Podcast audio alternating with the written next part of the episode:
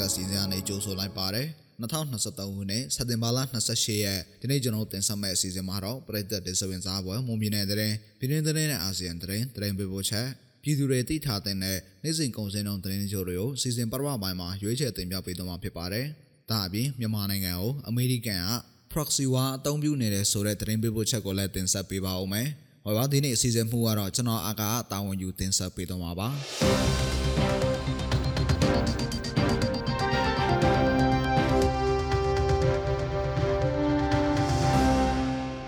ဆုံးသတင်းတစ်ပုဒ်အနေနဲ့ကြိုက်မြောမြို့နယ်ကနာလိုကြီးရွာအတွင်းလက်နက်ကြီးကြီးကြားရောက်ပောက်ကွဲမှုကြောင့်လူနေအိမ်နှလုံးပျက်စီးပြီးအယက်သား3ယောက်ထိခိုက်ဒဏ်ရာရရှိခဲ့တယ်လို့ဒေတာခန်တွေကနေသိရပါဗျ။မနေ့ကည9:40အချိန်လောက်ကမူးရုံကြိုင်စိတ်ကြီးလမ်းမပေါ်ရှိကနာလိုကြီးရွာအတွင်းကိုလက်နက်ကြီးကြီးနှလုံးကြားရောက်ပောက်ကွဲခဲ့တာပါ။လက်နက်ကြီးကြီးကြားရောက်ပောက်ကွဲမှုကြောင့်ထိခိုက်ဒဏ်ရာရရှိသွားတဲ့ဒေတာခန်အရက်သားတွေရဲ့အခြေအနေအသေးစိတ်ကိုတော့လွတ်လပ်တော်မွန်တရင်အေဂျင်စီကဆက်လက်စုံစမ်းနေဆဲဖြစ်ပါတယ်။ လက်နက်ကင်ပဋိပက္ခတွေပြင်းထန်လျက်ရှိတဲ့ကရင်ပြည်နယ်ကြိုင်းစိတ်ကြီးမြို့နယ်နဲ့နယ်နမိတ်ချင်းထိစပ်နေတဲ့မွန်ပြည်နယ်ကြက်မြော်မြို့နယ်အတွင်းစစ်ကောင်စီတပ်နဲ့ KNA ပူးပေါင်းတပ်ဖွဲ့တို့အကြားတိုက်ပွဲတွေမကြာခဏဖြစ်ပွားနေပါတယ်ခင်ဗျာ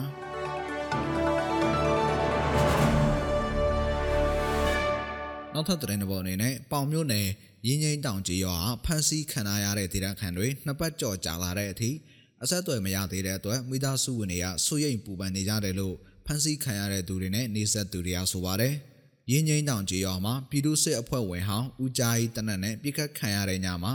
စစ်ကောင်စီတပ်ကအရက်ဝန်နဲ့ရွာထဲဝင်လာပြီးဒေသခံရှေ့ရောက်ကိုဖမ်းဆီးခေါ်ဆောင်သွားခဲ့တာဖြစ်ပါတယ်။မိသားစုဝင်တွေအနေနဲ့ဖမ်းဆီးခံဒေသခံရှေ့ရောက်ကိုတထုံမြို့နယ်အတွင်းရှိတပ်နယ်တစ်ခုကိုခေါ်ဆောင်သွားတယ်လို့သာကြားသိရပြီးဘယ်တပ်နယ်လဲဆိုတာကိုတော့မသိရသေးဘူးလို့ပြောပါတယ်။အခုလိုဆက်သွယ်မရသေးတာကြောင့်အသက်အန္တရာယ်စိုးရိမ်မိကြောင်းဖမ်းဆီးခံရသူတို့ရဲ့မိသားစုဝင်တို့ကပြောပါတယ်ခင်ဗျာ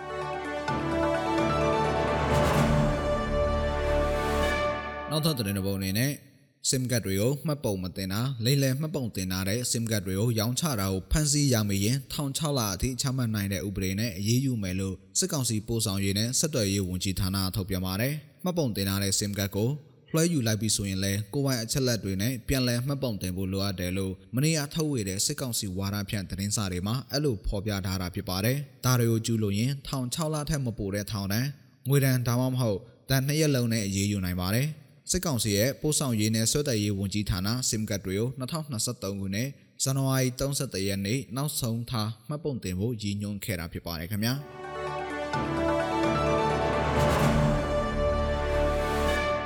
နောက်တော့တဲ့ဘောအနေနဲ့ကရင်ပြည်နယ်ကျိုင်းစိတ်ကြီးမျိုးနယ်ထီဖိုးနိုင်တောင်တီလှိုင်ကနေဝင်းရောစိတ်ကြီးစိတ်ကလေးအစရှိတဲ့ကြေးရွာတို့မှာစစ်ပေးရှောင်နေကြရတဲ့ခလဲတကွန်တိုင်းဒေသခံတွေကိုမွန်ပြည်သစ်ပါတီမော်လမြိုင်ခရိုင်ကဆန်စီခောက်ဆွဲကြောက် အဆရှိတဲ့စာနယ်ရိတ်ခါနဲ့စေဝါတွေကူညီထောက်ပံ့ပေးခဲ့တယ်လို့သိရပါဗျ။ဒါပြင်မွန်ပြည်သစ်ပါတီမော်လမြိုင်ခရိုင်ကနေကျမရေးတာဝန်ရှိသူတွေကလည်းစစ်ပေးဆောင်တွေကိုကျမရေးဆောင်ရှောက်မှုပြုလုပ်ပေးခဲ့တယ်လို့သိရပါဗျ။ကျင်းစိတ်ကြီးမြို့နယ်ခလဲတကွန်တိုင်းဒေသမှာစစ်ကြောင်းထိုးဝင်ရောက်လာတဲ့စစ်ကောင်စီတပ်နဲ့ပြည်မျိုးသားစီယုံ KNA ပြည်သူ့ကာကွယ်ရေး PDF ပူးပေါင်းတပ်ဖွဲ့တို့ကြားစက်တင်ဘာလလယ်ပိုင်းကတည်းကစတင်တိုက်ပွဲတွေဖြစ်ပွားခဲ့ပါတယ်။တိုက်ပွဲကြောင့်နဲ့စစ်ကောင်စီစစ်တပ်ဘက်ကလေကြောင်းတိုက်ခိုက်မှုအပြင် လက်လက်ကြီးနဲ့ပြစ်ခတ်နေတာကြောင့်တောင်းနဲ့ချီတဲ့ခလဲတကွန်နိုင်ဒေသခံတွေနေဆက်ရရွာတွေကိုထွက်ပြေးတိမ်းရှောင်ခဲ့ကြရပါတယ်ခင်ဗျာ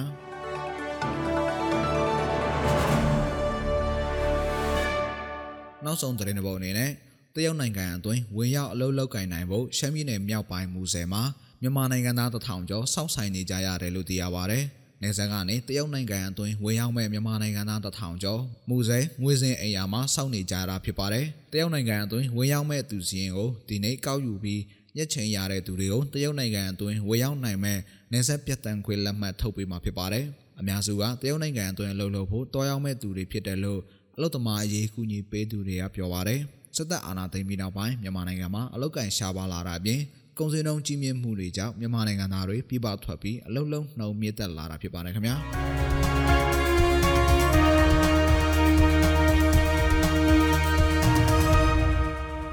ပြည်သူတွေသိထားတဲ့နေ့စဉ်ကုန်စည်နှုန်းသတင်းချို့တွေကိုမော်လမြိုင်ကုန်စည်တန်းကအချက်လက်တွေကိုအခြေခံပြီးတင်ဆက်ပေးပါအောင်မယ်။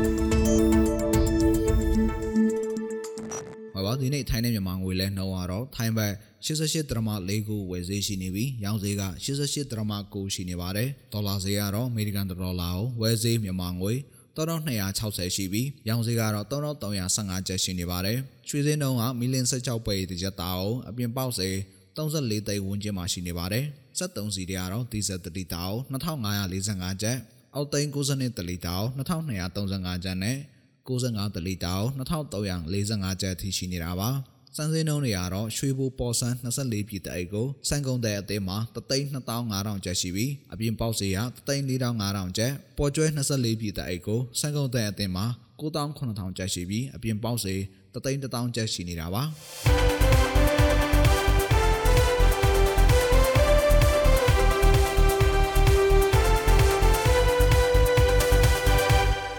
တင်ဆက်ပေးတော့ခဲ့တာကစက်တင်ဘာလ28ရက်နေ့မှာဖြစ်ပျက်ခဲ့တဲ့မွန်ပြည်နယ်တဲ့ပြည်တွင်းသတင်းနဲ့အာဆီယံသတင်းတွေအပြင်တနေ့တာစီစဉ်ငွေစင်းနဲ့ကုန်စည်နှုန်းတွေကိုတင်ဆက်ပေးသွားခဲ့တာဖြစ်ပါတယ်။ဆက်လက်ပြီးတော့မြန်မာနိုင်ငံကိုအမေရိကန်က proxy war အသုံးပြုနေတဲ့ဆိုတဲ့သတင်းပေးပို့ချက်ကိုနဒီရတင်ဆက်ပေးပါဦးမယ်။မြန်မာနိုင်ငံကိုအမေရိကန်ကဖရက်စီဝါအသုံးပြုပြီးမြန်မာအရေးတွေမှာဝင်ရောက်ဆွဖက်နေတယ်လို့မြန်မာနိုင်ငံရဲ့လေးလာသုံးသက်သူ ဒေါက်တာအောင်မျိုးကပြောပါတယ်။အမေရိကန်အနေနဲ့ငွေကြေးတွေကိုတိုင်းရိုက်ပေးဆောင်မှုရှိနေတယ်လို့တခြားသောလမ်းကြောင်းတွေနဲ့လည်းပေးဆောင်နေတယ်လို့သူကဆိုပါတယ်။ government အနေနဲ့အမေရိကန်အစိုးရအနေပြီးတော့ congress ကနေပြီးတော့ကျွန်တော်တို့ကရန်မငွေချပြီးပြီးတော့လဲကျွန်တော်တို့ကထိုက်ရိုက်ဆွတ်တယ်လို့တစ်ဖက်ကလည်းဟိုပါပေါ့နော်နိုင်ငံတကာကဒိုနာတွေပေါ့နော်ပုဂ္ဂလိကဒိုနာတွေပေါ့နော်အဖွဲ့အစည်းတွေပေါ့အဲအဲ့ဒီအဖွဲ့အစည်းတွေအနေနဲ့ကလည်းကျွန်တော်တို့ကဒီငွေကြေးကိုကျွန်တော်တို့ကအဲ့ဒီအဖွဲ့အစည်းတွေကတော့ငွေကြေးပါမယ်လက်နဲ့ပါမယ်ပေါ့ ဗျာနော်ဟိုအမေရိကန်အစိုးရကြတော့နှစ်နိုင်ငံကကျွန်တော်တို့ကတတမန်ဆက်သွယ်မှုရှိပြီးသားဖြစ်တယ်တနိုင်ငံရဲ့တနိုင်ငံအချုပ်ချာအာဏာကိုအတိမတ်ပြုပြီးသားဖြစ်ဖြစ်ချင်းကြောင့်သူ့အနေနဲ့ဥပဒေအရသူကလက်နက်ပေးလို့မရမရတဲ့ခါကျတော့ဒီကျွန်တော်တို့ကဒီအမေရိကန်ကာကွယ်ရေးဘတ်ဂျက်ထဲမှာမြန်မာနိုင်ငံကိုဟလာထောက်ပံ့တယ်ဆိုပြီးတော့အဲ့ပတ်စံတွေအလုံးက လက်ရှိကျွန်တော်တရားဝင်ပေါ့နော်အလုပ်လုပ်နေတဲ့အစိုးရစီကိုမရောက်ဖဲနဲ့ NUG နဲ့ကျွန်တော်တို့အာလာဟို NUG ကိုပဲရောက်သွားတယ်ဆိုပါတော့ဗျာအဲ့ဒါကကျွန်တော်ငွေတွေရောက်သွားတာပေါ့နော်ဒီငွေတွေနဲ့ပတ်သက်လို့ तू ကဘယ် तू ကဘယ်သူကစီးရဲစစ်မှာလဲစီးရဲစစ်ဆရာအကြောင်းလည်းမရှိဘူးစစ်လို့လည်းမရဘူးအဲ့တော့ကျွန်တော်က end user ပေါ့နော်နောက်ဆုံး end user အချီကိုကျွန်တော်ငွေရောက်သွားလို့ဗျာနော်အဲ့ငွေရောက်သွားလို့ရှိရင်အဲ့ဒီငွေကကျွန်တော်တို့ကထိုင်းမှာရှိတဲ့ကျွန်တော်တို့ဒီဟလာဒီလက်နဲ့မောက်ခိုးဒီစီရတစ်ဆင့်ကျွန်တော်တို့ကလက်နဲ့တွေဝယ်ပြီးတော့ကျွန်တော်တို့က အစိုးရကိုဟလာဒီပြန်လည်တိုက်ခိုက်မှာပဲဒီ proxy war မှာအသုံးပြုပါမယ်ဆိုတာကိုအမေရိကန်ဆိုရကသိပြီးဖြစ်ပါပဲပြီးခဲ့တဲ့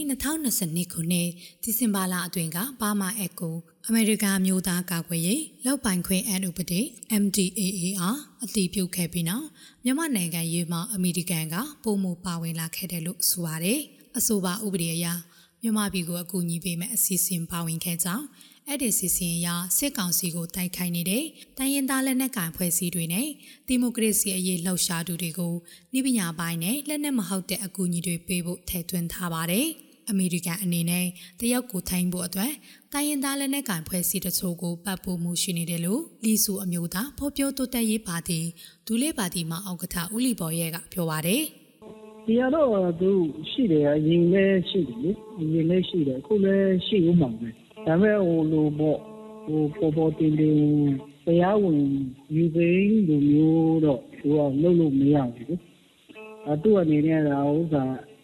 လူဝက်တော့မီးနေတော့ဒါလုပ်နေတာလေဒီကိုထိန်းဖို့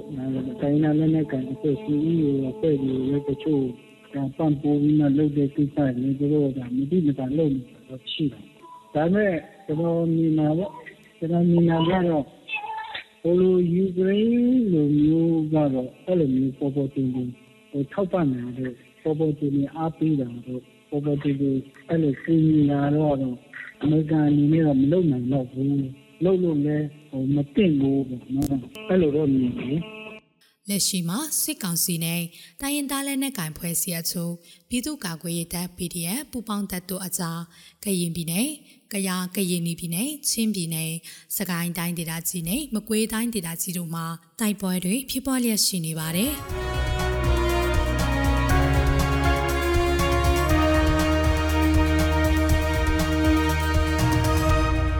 တို့ရဲ့မွန်လန်းမြန်မာပေါ့ကတ်စီစဉ်ဒီမှာတင်ပြီးဆုံးပါပြီ။နားဆင်ကြတဲ့ပရိသတ်အားလုံးကိုနောက်နေ့အစီအစဉ်တွေမှာဆက်လက်အားပေးကြပါအောင်လို့ဖိတ်ခေါ်ရင်းအစီအစဉ်ကိုအဆုံးသတ်ပါရစေ အားလုံးကိုကျေးဇူးတင်ပါတယ်ခင်ဗျာ။